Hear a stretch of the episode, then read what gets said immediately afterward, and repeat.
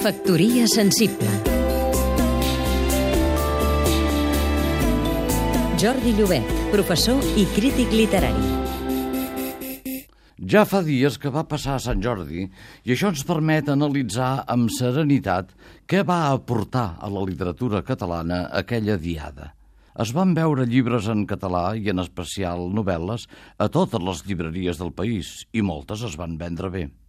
Unes quantes, per no dir moltes, han estat escrites en pocs mesos, boi aprofitant el reclam del centenari de 1714 i també en el deixant d'una novel·la sobre aquest tema, és a dir, Victus.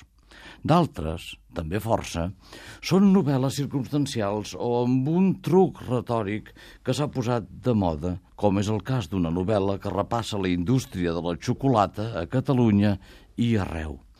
I moltes altres són novel·les que ni tan sols distrauran els lectors, escrites amb precipitació i sense cap sentit del que és o hauria de ser la responsabilitat de l'escriptor.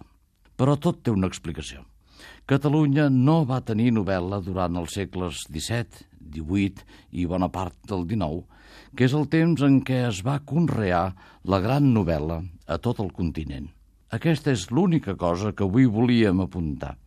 Sense una bona tradició, un país no pot generar un panorama novel·lístic de qualitat.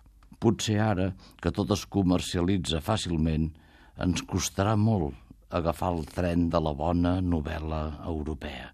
Amb aquesta mena de coses és millor ser dependent que independent. Factoria sensible Seguim-nos també a catradio.cat.